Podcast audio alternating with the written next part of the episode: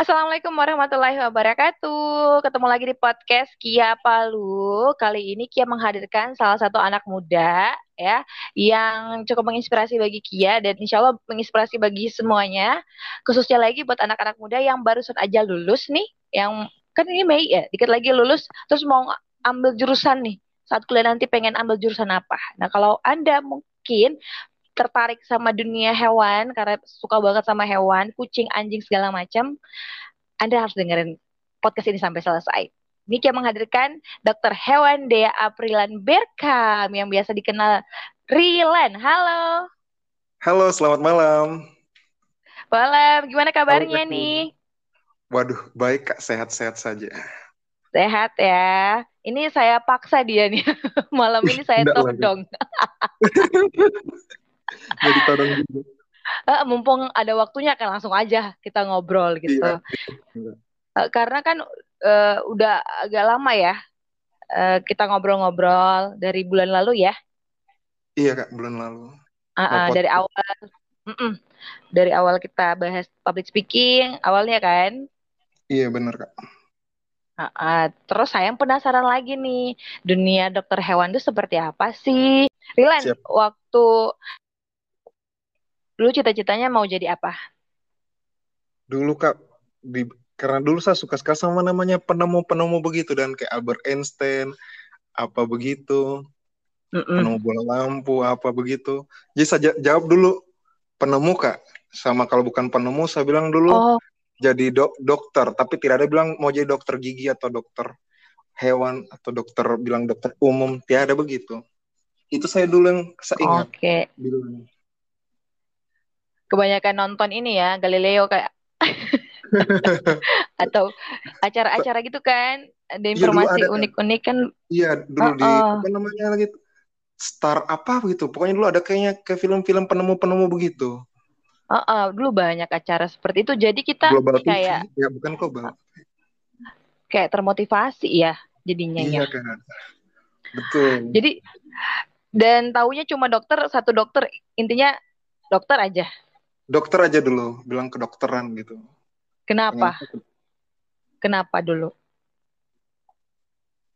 Gak gak tahu juga sih kak kalau pastinya kenapa. Tapi dulu tuh memang mungkin karena faktor tante kan ada yang perawat juga. Dulu kayak mm -mm. memang sas dulu juga sering sakit. Oh gitu. Satu itu. Baru memang uh -uh. kan dulu sering ke dokter gigi juga Mm-mm. ada yang ngerawat gigi gitu loh. Kalau ke dokter hewan belum pernah sih kak, cuma memang dulu katanya ada orang datang-datang ke rumah suntik-suntik rabies anjing gitu. Oke, jadi memang pernah lihat ya jadi kayak keren gitu ya. Untuk mm-hmm. anak saya dulu, saya dulu cita-citanya kalau ditanya ya sampai SMA itu saya pengen jadi dokter. tuh keinginan karena mama saya kan sakit kan basicnya sakit tumor gitu kan sampai meninggal jadi tuh dari hmm. situ kayak saya harus jadi dokter nih gitu. harus menyelamatkan banyak orang karena pikirannya gitu kan hmm. soal cita-cita kak dulu saya ingat sesuatu hal yang lucu kak pas saya SD itu? dulu kan anjing saya sering diambil-ambil sama orang kak Oh, Maksudnya okay. diculik gitu lah, diracun apa. Betul, Dulu betul. tuh nggak ada kepikiran harusnya kalau pikiran anak-anak itu aduh saya tuh mau menyembuhkan mau menyembuhkan ini anjing atau bawa ke mana gitu kak. Saya bukan kak bukan kayak gitu dulu pemikiranku. Terus pemikiranmu apa? Pemikiranku dulu kak pokoknya bagaimana caranya. Kan saya nonton nonton film-film yang ada geng-geng motor apa begitu kak. Oh uh, uh. pokoknya sama tangkap nanti ini yang banu anu ini anjing ini. Jadi detektif kok itu ya. Kayak begitu kak dulu. Pokoknya kayak pikirnya itu aduh Wah, tangkap ini orang Banu. Dulu juga pernah ada biawak kan dekat Kuala Rumah, Kak. Uh, uh, diambil ambil diambil ambil telurnya merpati sama sampai terakhir mati semua merpati, sisa telurnya, syukurnya atau telurnya jadi merpati lagi. Oke. Ternyata kamu juga punya masalah dengan biawak ya? iya, Kak. Aduh, biawak itu kasihan biawak. Kok kita sama ya? Itu rumahku tuh pernah kemasukan biawak loh parah. Kita pikir tuh kucing. Kan dia masuk lewat dia masuk lewat ruang tamu. Itu kan kita lagi nonton tuh ya lagi rame nonton. Adikku yang satu lagi tidur adikku satu lagi tidur nih yang terakhir. Kita lagi nonton nonton acara KDI ya Allah masih KDI. eh KDI ya masih lagu-lagunya gitu pembukaan. Terus masuklah tuh biawak. Kita pikir itu kucingnya. Kita kan kucingnya kita tuh namanya sapon dia warnanya hitam sapon hitam. pas lewat pas lewat terus iko ekornya panjang ya? Kita langsung lari langsung naik atas meja terus lari kabur. Dan kita lupa ada adikku satu di kamar. Bayangin dia naik ke tempat tidur loh. Astaga. Dan, itu tuh refleks panjat dinding kayak itu ya? Iya kan dia langsung kan dia mungkin kaget kita terus dia langsung ke kamar terus adikku dengan refleksnya kan dia lagi nalim baku istilahnya. Nalim baku. Ambil loh itu biawak dia pikir kucing kan. pas dia lihat ya Allah biawak. Pas dia buka mata lebar-lebar ini biawak baru dia lempar terus tuh biawak keluar. Ya ampun itu iko gitu banget sih itu biawak. Karena memang di rumah kan ada ayam kan? Ada kandang ayam. Jadi kan memang itu yang selalu yang dia incar memang telur ayam. Iya kan? Telur-telur iya, gitu dia suka. Telur-teluran dia suka. Aduh geli banget ya Allah jadi merinding Oke, Oke dari dari oh kayaknya kamu suka nonton detektif gitu ya atau baca Conan, detektif hmm. Conan segala dulu, macam. Iya, iya suka okay. kak saya misteri-misteri begitu wait. Jadi kayak terpancing gitu ya. Iya. Arthur Untuk memecahkan tiga trio detektif. Woi. Oke, jadi awal dari situ terus kenapa tiba-tiba langsung ada pikiran saya pilih dokter hewan? Nah, Kak, mungkin namanya rencana Tuhan ya. Tapi sebenarnya mm -hmm. dulu itu pas SMA saya pernah baca buku tentang apa itu ya? Chicken soup. Chicken soup itu tentang animal soul gitulah untuk uh -uh. pencinta hewan gitu kan.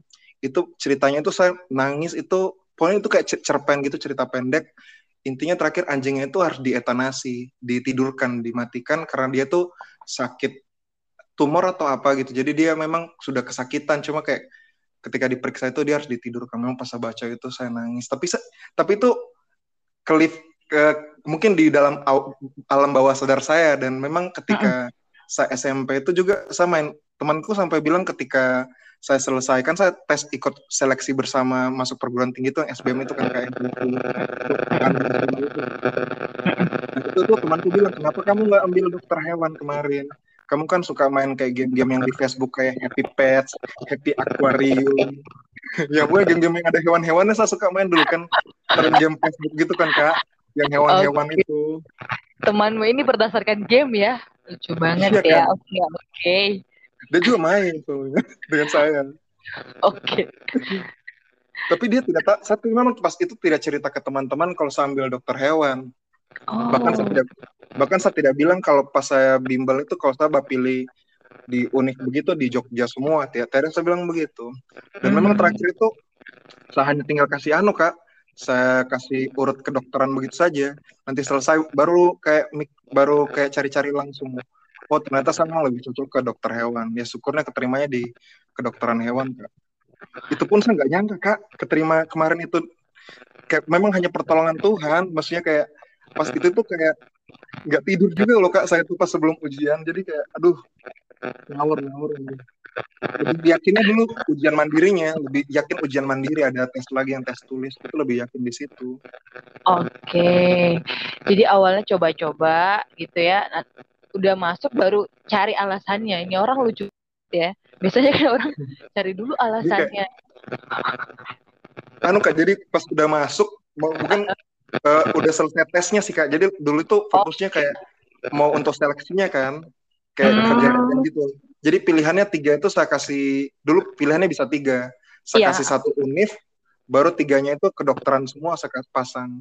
Oke. Okay. Nanti yeah. sudah baru search, nanti sudah mau dekat-dekat pengumuman baru saya cari tahu. Oh ternyata setelah anu searching mungkin saya lebih cocok sebenarnya kalau dari latar belakang sama sebagainya bisa ke dokter umum eh ke dokter hewan nih Oke, dan alhamdulillah ternyata kepilihnya dokter hewan. Iya, Kak. Terus perasaan pertama, aduh saya lulus nih. Cila. Nangis, Kak. Nangis ya. Orang tua tahu nggak kamu pilih itu? Oh, ini ada ceritanya lagi nih, Kak. Wah. Jadi ceritanya itu kan saya, jem, saya disuruh jem pas itu kan pengumumannya sore. Cuma kan namanya lagi banyak yang akses kan kak, jadi nggak bisa kebuka-kebuka. Jadi saya sudah buka di komputer di rumah. Baru saya kebetulan adekku ke gereja begitu kalau nggak salah. Baru saya jemput sudah dia ke gereja. Ada setelah saya tunggu 20 sampai 30 menit. Ternyata pas saya tinggal begitu tuh mama mama sama ayah pokoknya orang di rumah itu sudah coba-coba terus login login login baru sudah ada pengumumannya. Oke. Okay.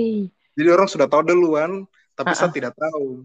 Jadi pas saya pulang itu saya pikir belum ada pengumuman dong, kan uh -uh. masih hektik lah jar jaringannya hektik. Baru sudah pas saya sampai begitu, sayangnya sepupu saya tuh mungkin terlalu bersemangat kan kak. Dia uh -uh. sudah bocorin. Kadea, Kadea, selamat Kadea. Itulah semua mamaku marah. Heh, jangan kau kasih tahu dia kayak gitu lah ini awalnya ih apa ini tapi sudah punya feeling Iya, jadi sebenarnya kan mungkin lebih deg-degan, tapi saya kayak jadi deg-degannya, hai, keterima apa ini?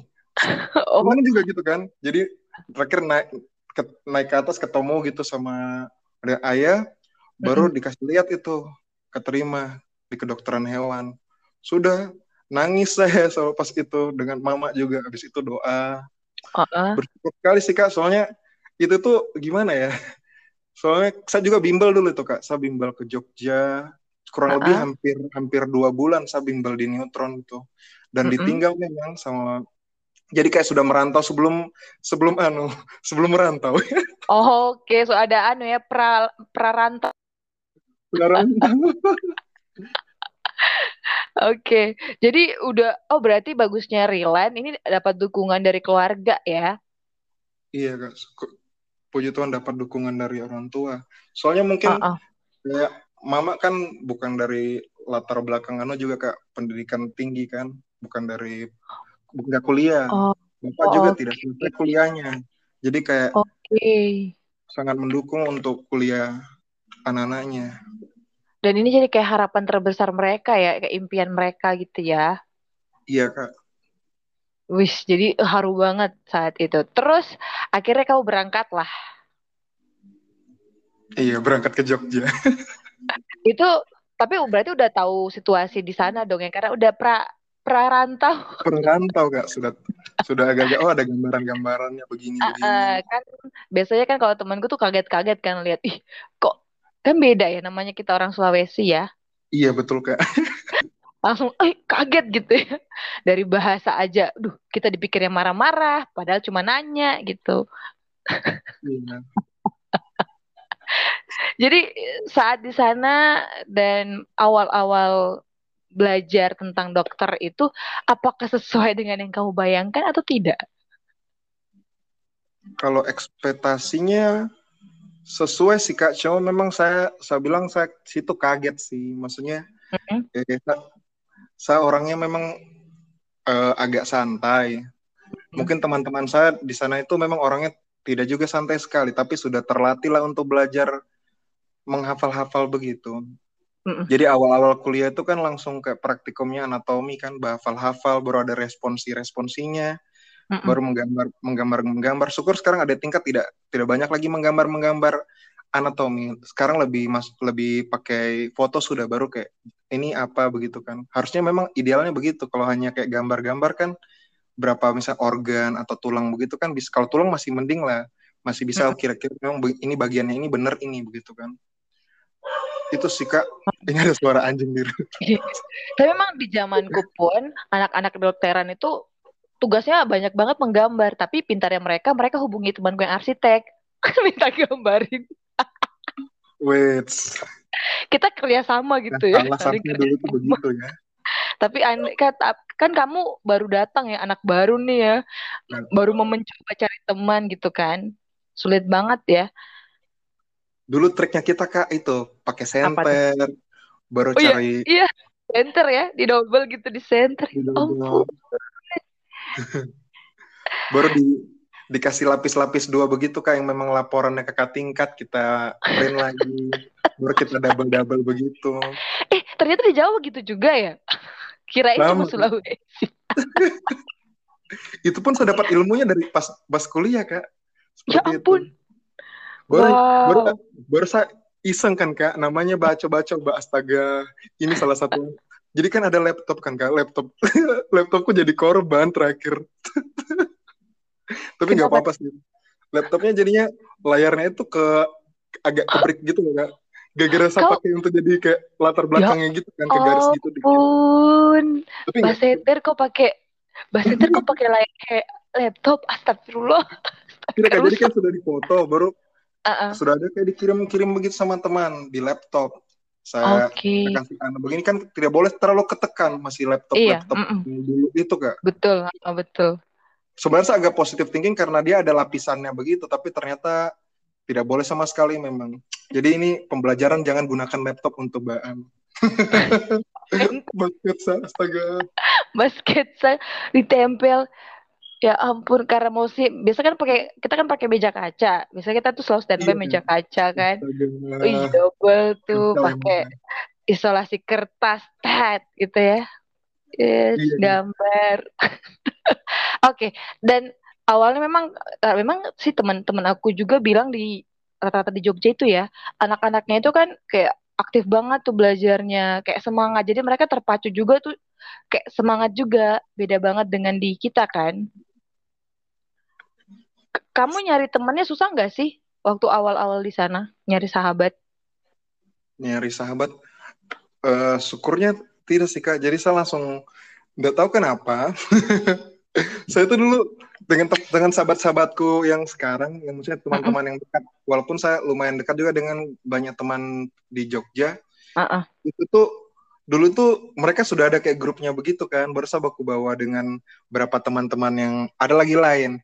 Jadi awalnya itu saya ada satu teman bilang, ih, so ada temannya dia, tidak, oh. tidak usah dikasih masuk di grupnya kita kayak begitu kak. Tapi sudah, saya saya saya, saya malah menawarkan sendiri. Eh eh kasih masuk saya di grup. Dulu itu kak saya baru pertama kali soalnya 2014 itu eh baru awal awalnya lain toh. Sama WA kalau eh WA saya kurang tahu juga. Pokoknya terakhir saya kan masih kayak lugu-lugu.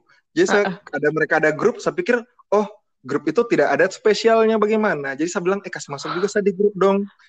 Supaya kayak info-info begitu. Jadi tidak iya. tidak ada kayak Oke oke. Okay, Mungkin karena anu langsung ACC juga sama masuk di grup situ. Baru sudah itu kayak grup bermain sih kak. Ngajak-ngajak nongkrong kerjakan oh, laporan sama-sama. Belajar juga. Uh, membantu sih kak uh, kalau orang dari Sulawesi ada banyak nggak sih di angkatanmu atau orang timur orang timur lumayan sih kak mungkin kita sekitar hampir 20 atau ada kak atau lebih ya? Oke, 20. Dan memang terlihat beda ya, terlihat terlihat beda banget ya. Hmm, atau sama aja? Eh, tidak juga terlalu berbeda sekali kak. Cuma soalnya kalau di Jogja kan banyak pendatang juga. Bahkan kak awal-awal saja saya tuh dipikirnya, oh, maka dikira karena logatku dipikir seorang Papua kak awal-awal sama. Oh kok dari Papua? sama sih kayak kenapa ya orang Palu rata-rata dibilang orang Papua? Karena teman tuh rata-rata semua ih, orang Papua ya. Karena logatnya bukan logat Makassar kan? Mungkin seperti itu. Astaga. Tapi, tapi akhirnya kan, uh -uh, terus ada tiga bulan mungkin habis itu ada malah kira seorang Jogja asli sudah kak Wih. Orang Palu itu paling anu yang bunglon lah. Iya, bisa betul. menyesuaikan. Nanti kalau dia di iya. Jakarta, pintar menyesuaikan logatnya. Iya sih, kalau dia ketemu sama orang-orang Makassar, dia bisa tuh nyambung. Ke orang Jawa, berubah lagi logatnya. Ke orang Papua, sama orang Ambon, berbeda lagi logatnya. Berbeda lagi logatnya. Jadi memang uh, itu cerita banyak banget teman-teman aku di Jawa ya, khususnya di Jogja. Rata-rata pengalaman kayak gitu dan mereka jadi kayak khususnya cowok ya, jadi kayak idola gitu loh. Kamu gitu nggak sih? Karena kan katanya cewek-cewek sana tuh perasa. Kayak kan kalau di Sulawesi istilahnya ceweknya bukan dibilang kasar sih, cuman agak Astaga. santai gitu ya. Ya agak-agak santai kalau diajak makan, ayolah gitu, santai kita kan temenan. Tapi di sana tuh kayak perasa, bener nggak sih? Perasa banget. Hmm, gimana ya? Ya memang dulu ada kayak yang deketin gitu juga sih pas saya kuliah. Cuma memang dulu itu mindsetnya saya kuliah, uh -uh. kuliah, kuliah begitu dulu. Uh -uh. Jadi tidak tidak terlalu memang jatuhnya terakhir temenan saja. Pokoknya semua yang itu saya Berarti ceweknya yang baper teman. ya? Bahkan saya pernah Inti... kak, kita cerita saja. Saya dikira homo kak, astaga Tuhan. Bukan mau bagaimana ini kaum LGBT atau bagaimana. Cuma dulu kakak tingkat itu kan, uh-uh. kakak tingkatku yang satu organisasi, dorang uh-uh. kira saya homo. Dan cerita-cerita begitu depanku langsung sama. Soalnya kau tidak menanggapi, kau tidak menanggapi cewek-cewek itu. Iya, mungkin begitu sih kak. Ya. Iya sih, temanku juga gitu kan. Misalnya uh, ya memang namanya kita dari Sulawesi ya mau ke yeah. sana tuh korbannya modalnya tuh banyak yang kita korbankan dari modal biaya hmm. pokoknya banyak dan gak mungkin main-main kan ke sana pasti Betul, fokusnya kan? belajar jadi kalau mau tiba-tiba ha pacaran terus baper-baper dikit ih kita kalau temanku sih bilang ih santai lah kalau di Palu kan santai. Ternyata cewek yeah. itu iya. nggak bisa dikasih sesantai itu. Banyak yang baper ternyata. Iya sih kak. Dan kamu jadinya itu juga. iya. homo oh my god. Oke. Okay. terus setelah uh, kuliah apa sih yang paling pengalaman paling berat waktu kuliah? Berat banget pas koas kak kayaknya saya pernah disalahpahami. Begitu sih kak. Maksudnya koas. Uh -uh. Di, jadi singkat cerita intinya saya ikut ada kegiatan begitu kan. Mm -mm. itu tuh itu tuh saya sudah izin sama dosennya. Baru kayak dosen pembimbingnya saya sudah selesai dia sudah tanda tangan berkasnya semua. Cuma ada kayak kesalahan administrasi lah seperti itu. Jadi temanku kayak bilang harusnya kamu bisa tipex aja itu yang centangnya begitu mungkin teman saya mungkin berpikir kenapa sih kamu nggak centang atau gimana padahal saya sudah mencoba jelaskan juga dan itu memang saya tidak ada sengaja seperti bagaimana baru terakhir okay. ada bahasa-bahasa yang mungkin nggak enak juga katanya saya kayak kena maki tapi itu nggak bisa dikonfirmasi juga soalnya yang yang mendengar hanya satu pihak juga kan jadi saya oh, juga bingung okay. yang saya bisa tanggapi dari kejadian itu terakhir saya maksudnya syukurnya terakhir setelah saya ikut kegiatan itu dan memang diizinin sama kampus kan mm -mm. itu tuh feedbacknya positif semua sih kak maksudnya itu dulu kegiatannya namanya Royal Canin Veterinary Business Training kan tahun 2019 mm -hmm. ya syukurnya memang kalau saya belajar sih kak dari pengalaman itu, selama kita memang mm, berusaha melakukan yang terbaik, kita bias kita kita nggak terserah kalau orang mau anggap kita salah atau bagaimana, itu perspektif orang bisa beda-beda ya. Tapi terakhir saya juga nggak Tuhan itu selalu baik sih kak. Jadi ketika saya ikut kegiatan itu ya syukurlah kak. Maksudnya dicari ada ternyata cari peserta terbaik kan dua orang. Saya bisa mm -hmm. jadi salah satu peserta terbaiknya. Oke, gitu itu, sama, itu jadi alasan gitu ya, memperkuat sama, iya, alasan Kak. kamu ikut. Sama nil, padahal saya tidak ada anu begitu kak, ambis atau bagaimana kan saya pikir juga, ah paling peserta terbaik satu orang toh, baru saya sudah lihat -hmm. kakak begitu, dan dia cowok juga biasa kayak gender wise kan, kalau sudah peserta terbaik satu cowok, satu lagi cewek gitu kan. Iya betul betul, ternyata tidak ya. Tidak. Wow. Sama kemarin itu terakhir juga walaupun memang ada cerita-cerita yang tidak enak, ketika nilainya keluar juga bagus kak. Kebetulan oh. ah, jadi kayak ya sudahlah, yang penting nilainya keluar aja kan. intinya ah, ya. intinya nilai kan. Tapi memang kalau kelas tidak terlalu ngajar nilai kak, lebih kayak pengalaman. Oke. Okay. Agak kasihan juga sih kak dengan pandemi ini sama yang ada kuliah-kuliah profesinya kayak kedokteran, atau nurse itu apoteker itu pasti mereka terpengaruh sekali kak yang ada kuliah-kuliah profesi. Kasian iya sih, kan? Sama kayak kita kan teknik sipil ya, teknik sipil atau arsitek itu nggak mungkin nggak praktek gila sih. Masa iya, ngurus kayak aspal kita nggak praktek, campur beton, main besi, wah kita kayak tukang ya. Karena itu kan nggak bisa baca doang di laptop, kita tuh harus meracik, kita harus praktek langsung kan di lapangan itu banget. Berarti kamu waktu gempa dan tsunami kamu di Jogja dong ya? Iya kak, saya di Jogja itu sam jadi saya masih di Palu itu sampai 10 September. Oke. Okay. Masih sempat karaoke juga saya kak dengan temanku. karaoke terakhir sebelum anu masih di mall masih di agak depannya begitu kan dari Happy uh -uh. Papi yang mau Tatura itu. Oh di NAF ya? Di Happy Papi kak, yang. Oh dekat. di Happy Papi ya. Oke uh -uh. oke. Okay, okay. Terus karena temanku juga di Jogja waktu itu dia di dia di UGM mm -hmm. MS2 tiba-tiba memang hilang kontak kan nggak bisa sama sekali mm -hmm. dihubungin orang terus dia langsung buat grup untuk Sulawesi Tengah itu itu langsung ramai banget yang masuk di situ untuk cari informasi keluarganya itu iya, grup langsung meledak langsung trending ternyata dia yang buat dia kan sampai nangis nangis di tengah jalan karena dia dia pikir Palu itu mm -hmm. udah habis kayak Aceh kalau kamu mikirnya gimana waktu itu? Dapat kabar? Astaga kak, mungkin karena temanku jadi kan saya sudah lihat kayak di info kota Palu begitu kan kak ada gempa. Uh, -huh. Baru saya lihat awalnya gempanya 5 atau 6 begitu kan. Uh, -huh. Saya tuh saya tuh mungkin karena masih ingat yang SD, saya tuh agak santai kak ah gempa paling oh, iya. jauh gitu. Kita kan betul, sudah mentalnya sudah terbiasa kak gempa begitu uh, uh. kan. Jadi tidak terlalu khawatir atau bagaimana.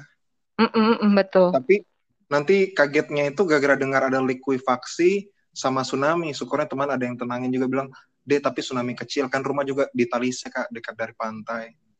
Oh, Oke. Okay. Uh -uh. Jadi agak agak panik itu kak. Aduh, bagaimana nih? Mana lagi sadeng, mana lagi kebetulan memang kalau kakek nenek dari bapak kan sudah tinggal serumah. Kebetulan uh -uh. nenek, dari mama datang ke rumah juga dari Pulawi.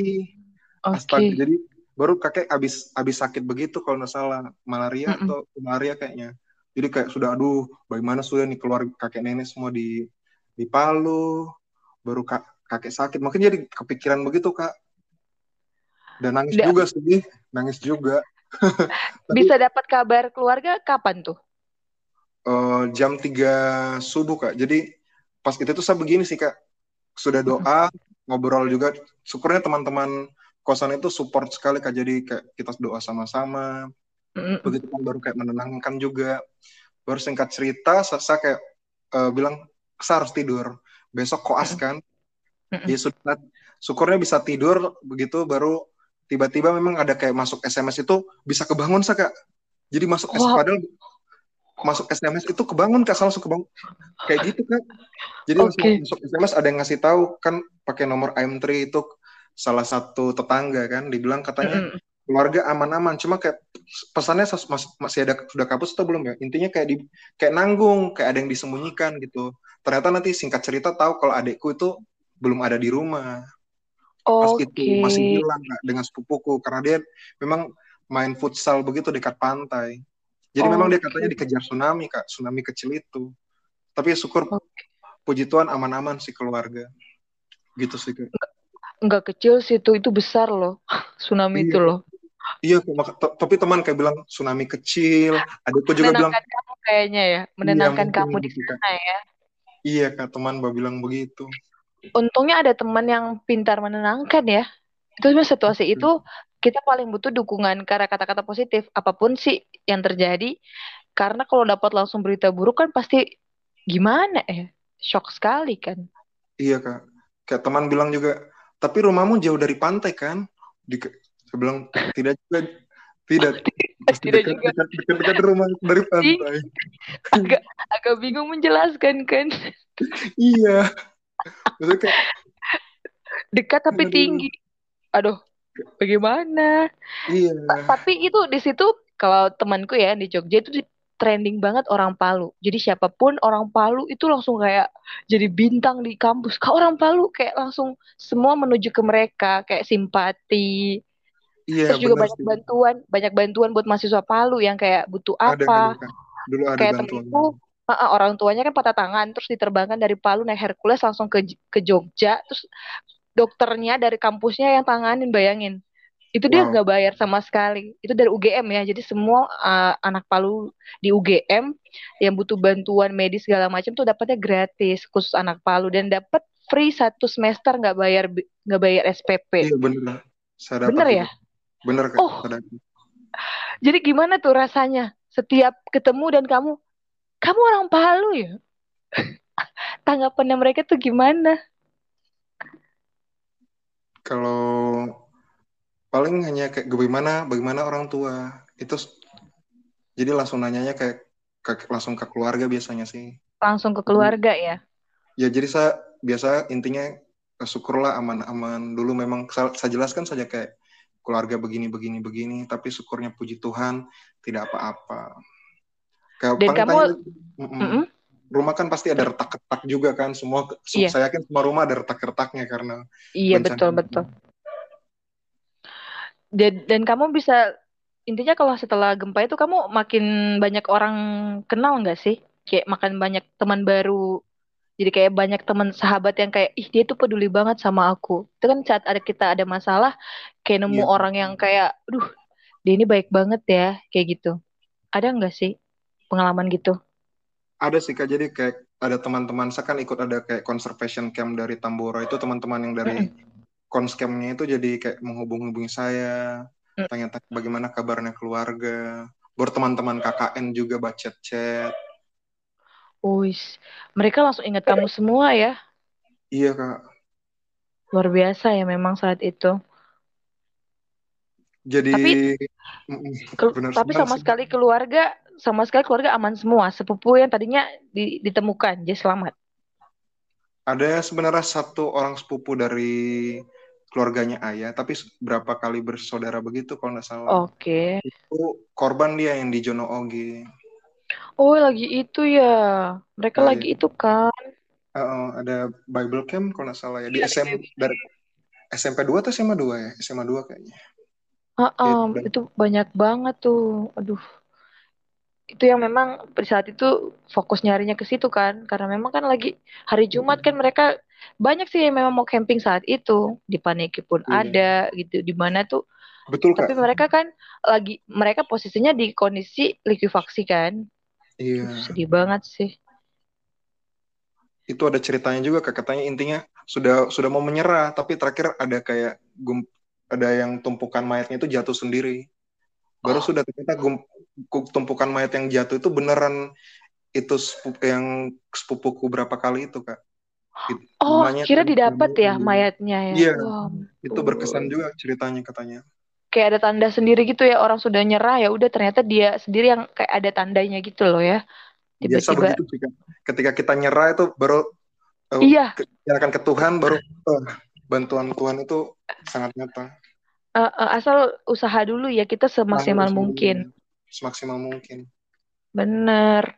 Wah itu teman aku tuh ada yang nggak didapat loh penyiar Nebula juga salah satu korban no, Chris, Nofri Nofri Christian yang memang lagi posisinya di situ lagi di pantai Talise kan lagi ketemu sama teman-temannya anak bosku juga anak dari penyiar hmm. Nebula ya yang punya iya, radio hmm. juga hilang di situ dan nggak tidak hmm. kalau anak bosku didapat jasadnya tapi temanku sama sekali nggak dapet masih banyak sih temanku juga bayangin dia teman menyiar juga cuman dia udah nggak siaran lagi dia ke Kalimantan karena udah nikah kan terus hmm. rumahnya tuh pas banget di pantai Talise gitu loh iya kak ada yang rumahnya Bayang. hilang oh itu rumahnya hilang dan semua keluarganya hilang jadi sekarang dia tinggal sendirian jadi hmm. kakaknya bapak ibunya adik kakaknya men, uh, iparnya keponakannya semua satu rumah nggak ada yang didapat mayatnya itu dia tuh depresi banget tau nggak Pasti kak, depresi. Karena dia tuh kehilangan semua keluarganya deh. Untung dia punya anak sama punya istri yang menguatkan kan. Cuman itu, aduh, aduh, kayak memang kejadian itu kayak langsung, aduh, mamaku aja kan kena tsunami kan waktu itu, ke bawah iya, tsunami dan sempat hilang. Untuknya selamat. Jadi memang itu kayak, aduh, apa ya, kayak pelajaran yang berharga. Apalagi tadi gempa ya. Iya kan. Tadi rasain gempa nggak? Terus kamu gimana? Katanya agak keras tadi tuh gempanya. Oh, kalau gempa tadi kak, kebetulan kan saya lagi lewat di Tombolo Tuti bawah. Itu tuh ada gundukan-gundukan jalan yang masih belum anu begitu kan kak? Pas mungkin gempanya itu pas di situ, jadi saya tidak rasa sama sekali. Baru terakhir di pinggir jalan itu ada yang orang jual putu kan kak? Jam-jam 11 begitu kan? Sudah saat, saat di situ tuh ada sudah beli putu baru nanti pas mau makan begitu dibilang tadi gempa oh iya gak rasa gempanya oh. gak rasa sama sekali kak tadi gempanya mungkin Tapi karena lapar kalau... juga ya mungkin ya. Astaga. Nggak gak konsen. Tapi saya gak bersyukur konsen. kadang kalau kayak gempa besar gitu kalau kita rasa kayak panik itu ada lagi sih. Oh tapi kok kamu kan nggak rasa ya waktu yang iya, kak, gempa besar itu kan. Aduh kalau tadi makanya semua sudah standby tuh. Memang selalu ya kalau udah ada gempa standby bensin dan pakaian satu tas. Itu mau tidak mau harus standby. Karena kita nginget zaman dulu itu ya, ampun. Ada kalau dipikir-pikir lagi ya karena dulu kan tahun 2003 2004 ya sempet gempa kayak gitu kan. Iya kak. Itu satu, satu bulan setelah Aceh kan kita juga gempa.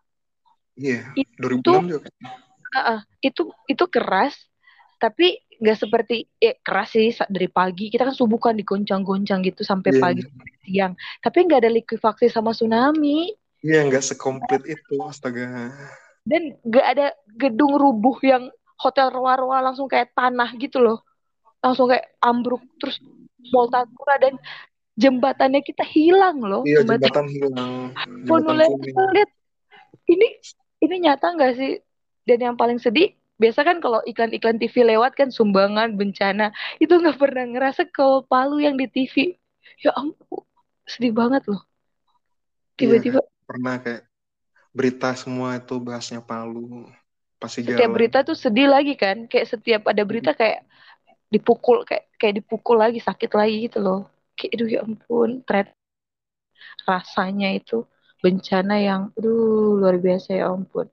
Nah setelah itu kamu tetap fokus berarti karena udah dapat kabar tentang keluarga aman ya? Aman kak. Sudah enggak fokus Untung kamu cepet ya cepet dapat kabar ya. Iya kak syukur sekali tuh. Syukur sekali bisa dapat jam 3 subuh itu udah ada kabar. Kalau nggak ada tuh memang pasti stres gila sih. Kayak temanku dia karena nggak ada sama sekali dia tuh naik Hercules. Jadi dia dari Jogja dia di Jogja dia paksa ke hmm. Makassar. Di Makassar nggak ada akses kan? Dia masuk ke pesawat Hercules tiba di bandara dia jalan kaki ke rumahnya di Kartini. Bayangin loh. Karena hmm. orang tuanya nggak bisa dihubungi sama sekali. Itu perjuangan. Eh, tahu nggak di sampai di rumah? Orang tuanya bilang apa? Kenapa kamu ke sini kenapa kamu ke sini kenapa kamu nggak kuliah di Jogja iya kan maksudnya biaya ke sana tuh susah terus nggak bisa ke sana lagi kan. Iya. Nggak ada yang dibayangin cuma dimarah bayangin loh. Dia padahal pengen tahu kondisi ayah ibu ya ya Allah temanku sampai naik Hercules. Ya Allah. Tapi memang itu perjuangan banget. Terus setelah lulus dari dokter hewan ih apa yang kamu bayangkan nih? Aku jadi dokter hewan nextnya kamu bayangin apa nih kerjanya kayak gimana udah ada kan pasti ada posisi-posisi kerjanya kan beda-beda gitu ya kamu udah ada yeah. pikiran ke mana-kemana tuh yang kamu suka uh, kalau sejauh ini kak memang saya kebanyakan menanganinya hewan kesayangan kan anjing kucing mm -mm. baru sekarang saya sebagai dokter hewan di dinas THL kan gitu mm -mm. ya ke depan mungkin saya akan daftar kayak ada tes yang untuk PNS kan rencananya buka mau daftar itu sih dulu kak. Memang okay. ke, rencana sudah ada juga sih puji Tuhannya cuma mungkin step demi step saya, saya harus belajar ya kita tuh nggak bisa langsung tek tek tek memang harus ada step step yang di, iya, di step ya. Mm -mm. Jadi mulai nyicil-nyicil aja nanti ketika saya misalnya punya pertama mungkin dari kayak pet shop atau oh. tempat grooming hewan gitu berikutnya nanti jadi tempat prak mungkin sambil tempat praktek ketika berikutnya nanti dia jadi klinik begitu. Jadi oh, oh, oh berarti memang impiannya pengen buat buka pet shop dan klinik sendiri nih ceritanya? Iya kak. Semoga secepatnya. Amin. Karena hmm. berapa kali tuh ya kan saya itu pecinta kucing jadi dulu Uh, karena udah ada pet shop, jadi bersyukurnya beberapa hmm, tahun di Palu, di Palu kan. Jadi kita nggak sulit tuh kayak kita kayak mau kasih minum susu si kucing kan nggak ada induknya. Kan biasa induknya udah nggak mau nyusuin itu ada botolnya. Itu kayak terbantu. Terus ada vitamin kayak dia jamuran atau yeah. apa gitu. Apa kayak sangat dibantu gitu. Kalau kutuan ada samponya gitu. Sampai kita ke salon bisa dimandiin kan kucingnya.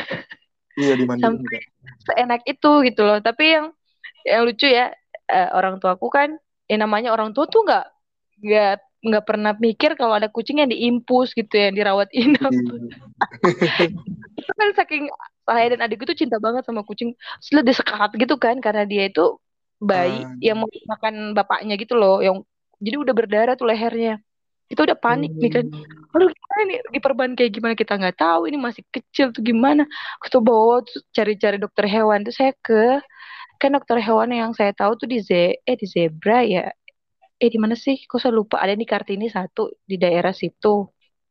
Mm-hmm. terus kita ke da- daerah Dewi Sartika. Aduh jalan Ramba mm. itu di bagian sana sampai sejauh itu loh kita bawa. Itu saya lupa sih namanya dokter Faki? Dokter siapa ya itu? Ya dokter Faki yang di dekat Kartini dengan ah, dokter kan istri ya itu? Suami itu istri dokter suami istri itu dulunya dokter Fakir tuh nggak bisa. Jadi kita harus ke jalan Ramba yang jauh di ujung sana itu bawa terus bak oh, ini harus dirawat inap. Ya ampun lucu banget diimpus terus mikir ih lucu juga ya kalau jadi dokter hewan. Itu kayak kayak main-main aja. Pikir kayak bermain dan binatang doang gitu. Ini lagi dikawinin loh ini. Wah liatin di klinik-kliniknya itu. Jadi kamu gitu ya kerja tiap hari main dan hewan? Iya sih kan biasa juga ke ternak besar kayak kambing, sapi. Oh iya itu penting banget juga ya. Itu yang paling dibutuhkan sih ya kayak peternakan besar yang punya kayak usaha telur kan, kayak mm. ayam potong itu pasti mm. uh, itu semua uh, tiap bulan memang harus ada perawatan dari dokternya langsung ya. Atau gimana tuh? Sebenarnya tergantung dari anunya sih kak, maksudnya dari manajemennya. Tapi memang kalau kayak di Pulau Jawa memang mereka berasa berapa berapa farm itu pasti ada dokter hewan yang bertanggung jawab di sana. Mm -mm. Kalau di Palu saya kurang tahu sih kak. Jadi mungkin ada ketika dia kayak dari perusahaan begitu. Tapi kalau yang paling lebih ke paling kalaupun ada itu lebih kayak untuk kayak ngontrol di atasnya begitu. Mungkin lebih kayak misalnya untuk penyaluran benih-benih begitu loh kak. Kayak hmm. di Australia die all chick, maksudnya kayak kasih masukin anak ayam yang baru anak ayam mm -hmm. mungkin itu berapa itu memang tenaganya yang dipakai itu ada ada dokter hewan juga di situ. Oke, okay. jadi teman-teman berarti bukan cuma sekedar kucing anjing yang kalian lihat sekedar pet shop, tapi memang yang paling besar adalah hewan ternak ya yang kita konsumsi sehari-hari. Ya, itu yang paling dibutuhkan kesehatan ya misalnya kayak sapi, karena kan kalau nggak dikontrol ya otomatis juga kualitas dagingnya kan nggak bagus, kesehatannya hmm. binatangnya nggak bagus, ya kan? Banyak, mm -mm. banyak yang kurang tahu kalau memang keamanan pangan itu, apalagi kan kebanyakan memang dari hewan kan, itu mm -mm. ranahnya kami memang dok dokter hewan seperti itu kak, memang ikan, telur dan sebagainya itu mungkin berapa orang belum belum belum paham di situnya sih kak. Dan kebetulan memang saya kok agak concern ke situ sih kak, ketika kuliah juga oh. kebetulan bisa jadi asisten juga begitu loh kak, asisten dosen. Oke, okay. tapi memang jadi mm-hmm. jadinya kamu bisa lebih luas ya, maksudnya jangkauannya lebih yeah. luas lebih mengedukasi orang lebih banyak gitu kan mm-hmm. kan istilahnya kalau hewan peliharaan kan paling satu dua nggak mungkin ya orang punya kucing sampai seratus dua ratus satu seribu yeah, ekor ya kalau Iya itu kan gak mungkin sekali. Gak mungkin kayak itu kasihan hoarding. itu kasihan dan apa ya namanya hewan peliharaan itu kan kita pasti cinta banget pasti dijaga tapi kalau yeah. yang iya. itu kan untuk diperjualbelikan kadang ada yang nggak nggak pusing orang mau makan kayak gimana emang harus dikontrol sih. Nah, apa nih ilmu dari kamu nih yang kayaknya ini penting banget yang harus ditahu orang-orang atau masyarakat luar tentang hewan nih. Dari kamu sebagai dokter hewan mau kasih nasihat apa nih yang paling penting? Yang mungkin orang belum tahu, belum peka. Belum peka ya? Ah, ini mungkin Kak terkait pangan aja ya Kak ya, tentang daging. Banyak banyak masyarakat mungkin ada yang merasa kayak ah daging yang anu itu perlu dicuci. Padahal kalau dicuci malah jadi cepat busuk itu satu. Kedua banyak yang merasa daging itu ketika dia habis di misalnya sapi habis disembelih nih dagingnya itu langsung harus daging yang segar. Maksudnya dagingnya itu nggak ada kayak digantung dulu. Mikirnya kayak udah kita harus langsung makan dagingnya itu kalau enggak nanti dagingnya cepat busuk. Padahal untuk membuat daging itu kan sebenarnya dari otot kak otot yang sudah di itu tuh untuk menjadi daging itu ada prosesnya kak otot okay. menjadi daging itu harus dilayukan nama namanya kayak dagingnya itu diga apa otot dagingnya itu digantung dulu selama berapa jam makanya mm -hmm. sekarang kalau pemerintah itu kan peraturan terbaru dan memang kayak di istilahnya ada kirmaster kan kalau bukan dokter hewan yang ngawasi di rumah potong hewan. Itu penyembelihannya malam hari kak. Jam-jam segini. Misalnya disembelihnya itu dari jam 9 sampai subuh begitu berapa kali penyembelihan nah itu dengan harapan ketika nanti dagingnya disebarkan ke masyarakat itu tuh udah melalui pelayuan. Dan kenapa daging itu dia perlu apa otot itu menjadi daging itu dengan proses pelayuan dengan daging yang sudah dilayukan itu pasti dia lebih awet kak jadi kayak oh. nggak oh. mudah kecemar dan sebagainya cuma banyak masyarakat merasa itu kayak aduh kita kalau udah anu gitu harus dan memang banyak yang kayak merasa itu kalau daging yang sudah disimpan di freezer lama-lama gitu loh kak padahal itu kan proses pelayuan juga jadi dagingnya bisa lebih lama di reservasi gitu kan kak oh, tapi itu okay. merasa kayak Ih, daging Isa tidak mau daging yang sudah beku lama-lama begitu begini-begini iya orang tua sudah orang tidak tua segar begini-begini orang tua dulu ya ikan dibeli aja. Eh ini udah satu dua hari mati gitu ya. Lo gimana sih ya? Padahal di freezer kan itu kan kalau dibeku-beku banget bisa berbulan-bulan kan? Iya benar kan oh berarti tadi kita kalau ada ini kayak daging susah daging merah ya kayak sapi hmm. ayam itu lebih sapi bagus nggak usah dicuci dulu ya?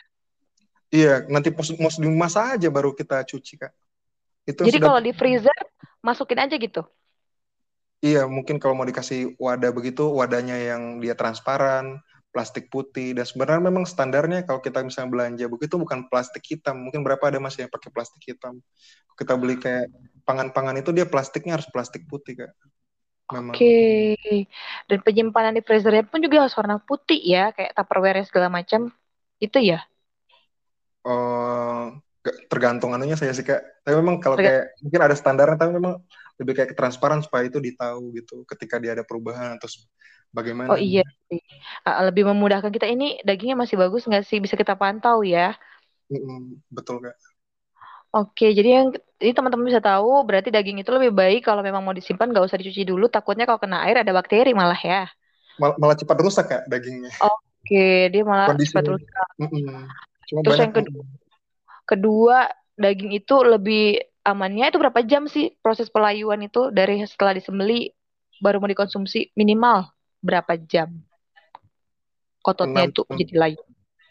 6 Hah? sampai 12 jam. Jam itu dia harusnya kayak digantung gitu loh Kak. Makanya dia kayak kita estimasinya kita malam ini siang sudah sudah dipasarkan itu daging kan.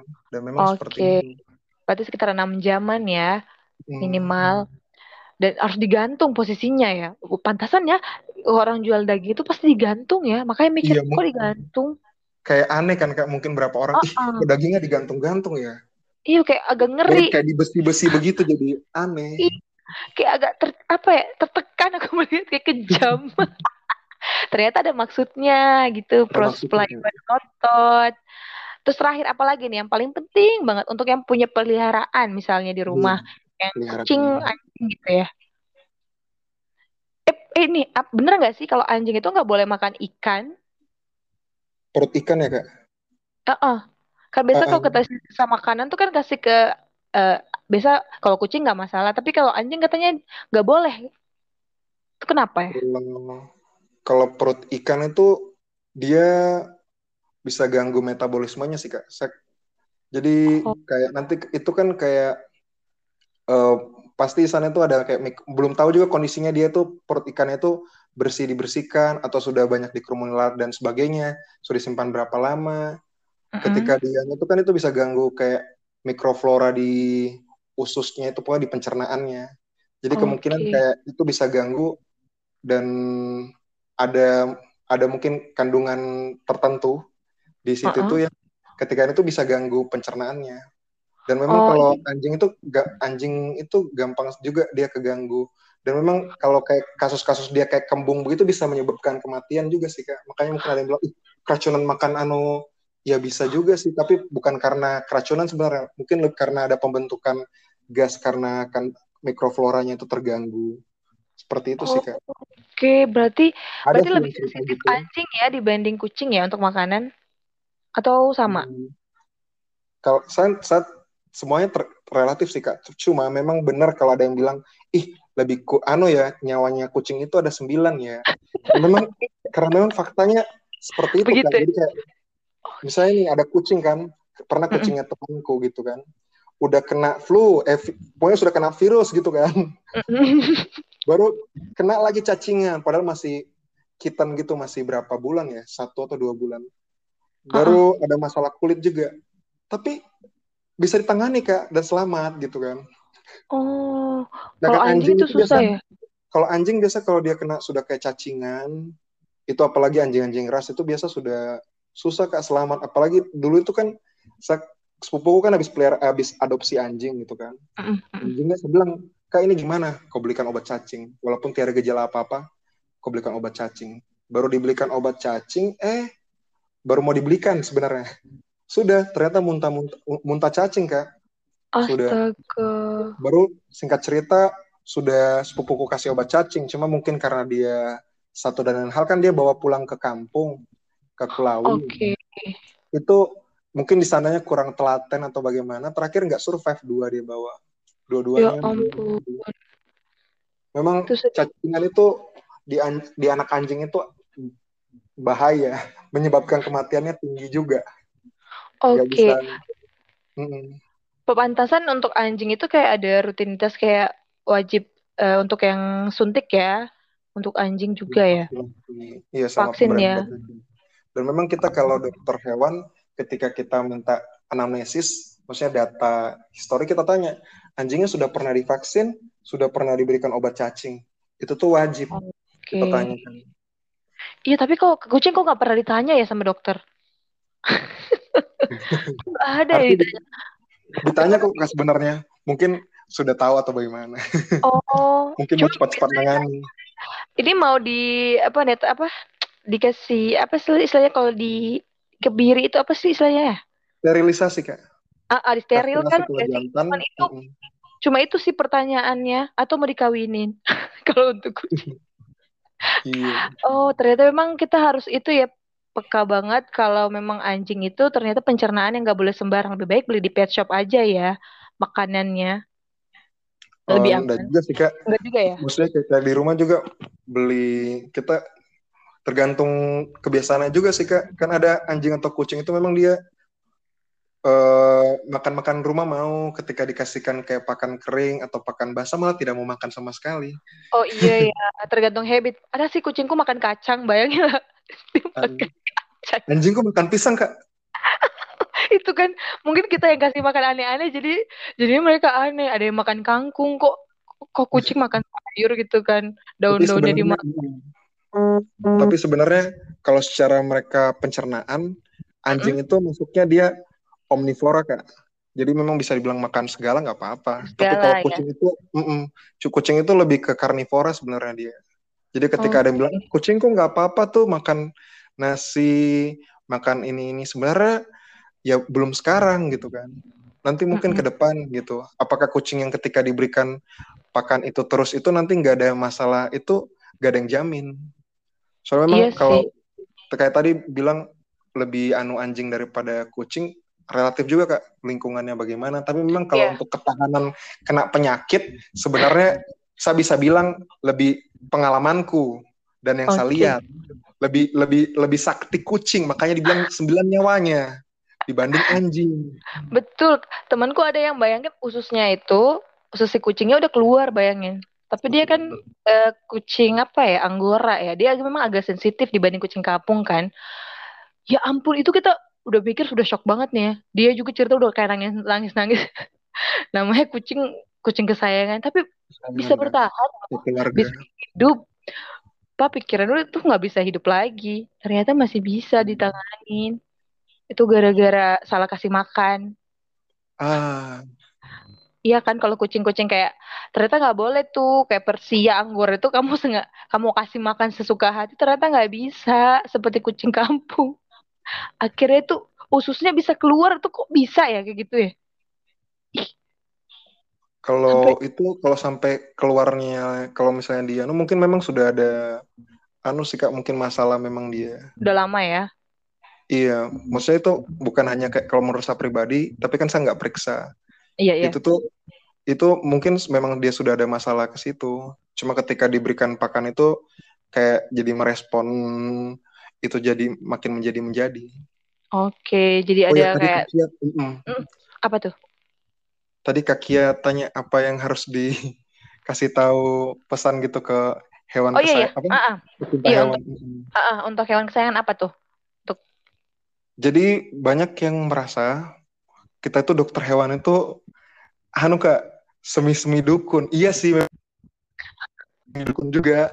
Jadi ketika dia emang itu oh paling sakitnya ini dan pakai ih benar sakitnya ini memang ada dokter saya yang berarti sekarang kolega yang dosen itu memang yang dia dia lebih fokus ke reptil kan. Jadi kayak reptil sakit apa begitu dia bisa nebak-nebak gitu. Bukan nebak-nebak lagi memang kayak lihat gini-gini apa sudah langsung oh ini ini. Dan memang benar kak. Jadi kayak sudah kayak ya? du, sudah kayak semi-semi dukun ilmunya gitu kan. Oke. Okay. padahal padahal kita nggak tahu kak ketika misalnya ada yang nanya tiba-tiba apalagi tiba-tiba nanya obat ini obatnya apa? Itu kita nggak tahu kak karena memang kita nggak periksa. Soalnya kan kita beda dengan dokter umum sama dokter gigi. Kita jadi kalau misalnya kayak di di Indonesia belum ada peraturan pastinya tapi memang harusnya itu ada tiga ada ada apa rantai hubungan dulu kita dengan hewannya kita hewan sama pemiliknya. Kenalan dulu nih.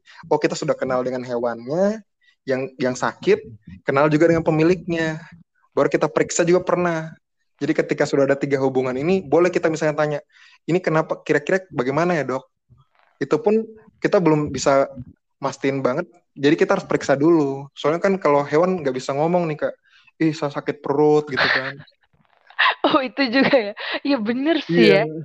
Pantasan selalu rata-rata dokter itu uh, rawat inap harus ya, kayak harus periksa nggak bisa mau by by phone harus bawa kucingnya gitu diliatin dan kalau bisa nginap gitu. Kalau memang banyak antrian kucing itu kan saking dulunya kan kurang banget dokter hewan. Jadi ngantri banget tuh pasien.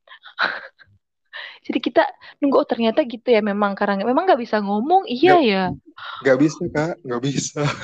Walaupun kakak tua ya kalau dia bisa ngomong dia nggak mungkin bilang dia sakit loh sakit perut.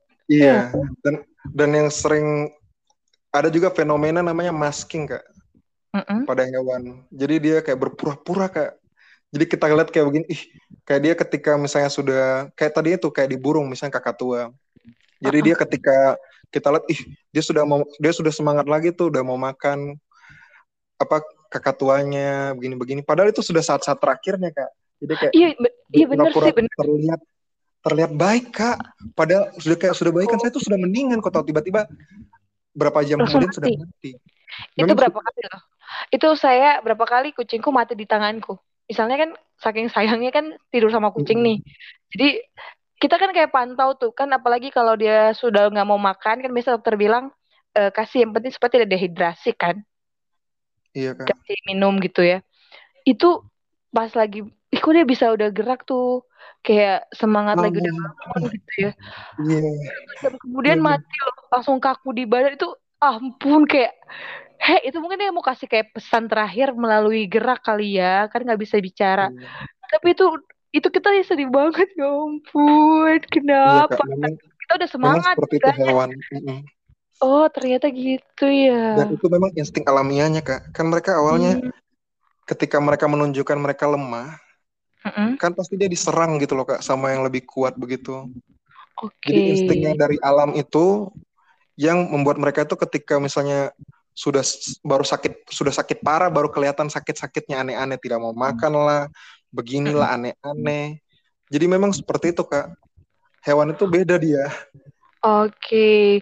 Pantasan wajar ya kayak Raditya Dika bilang rutin harus meriksakan hewan nah, peliharaan kamu walaupun iya. dia kelihatan biasa baik-baik iya. aja. Ya kan? Iya, dari oh, ayo ke dokter hewan uh, ayo ke dokter hewan karena biasa kayak kucing ternyata obesitas. Walaupun nah, kelihatannya lucu lucu gendut gitu ternyata mereka tersiksa ya kan? Kita kan nggak tahu tuh ukuran porsinya segala macam ternyata ada yang kayak gitu-gitu lagi. Kucing bisa obesitas nggak bisa gerak. Iya bahaya itu obesitas. Iya kan? Waduh. Dan yang ini juga ini fenomena berpura-puranya apakah ini pernah ya cerita kucingku nih ya nakal banget dia tuh lagi main kita lagi ngetik laptop terus dia langsung lewat tuh laptopnya dia injakin tuh kan terus layarnya langsung hang. Astaga dan tiba-tiba acting loh. Dia acting nggak bisa jalan loh. Ya ampun. Kita pikir deh ini kenapa? Dia tuh kayak jalannya berseret-seret deh kaki depannya bisa kaki belakangnya keseret-seret kayak kasihan. Jadi kita udah kayak panik kan. Panik panik sudah mau ke dokter hewan. Abis dimarah kan kita bakal marah. Wah, wah, wah, wah. Terus tiba-tiba dua jam kemudian dia nggak bisa jalan. Terus kok dia jalan kayak seret-seret gitu kakinya kenapa ya tiba-tiba lumpuh atau apa? Ternyata pas mau dibawa ke dokter udah sehat lagi dong. Itu iya. Itu nyata kak. Juga dulu itu tuh bener sekali. Jadi berapa kali kan waktu sako mm -hmm. dokter dokter yang pembimbing saya kebetulan kan dibilang pokoknya kalau nanti yang masuk itu dokter ini pasti hewannya jadi sehat semua. Iya, soalnya kayak pasti kayak pemiliknya sudah bilang ini hewan kento atau bagaimana begitu begitu pas diperiksa sama itu tuh kayak hewannya jadi kayak bakuat semua kak. Jadi kayak okay. jadi bilang pasti nanti kau kok walaupun sudah diperiksa dokter ini, tetap nanti kalian periksa lagi ya.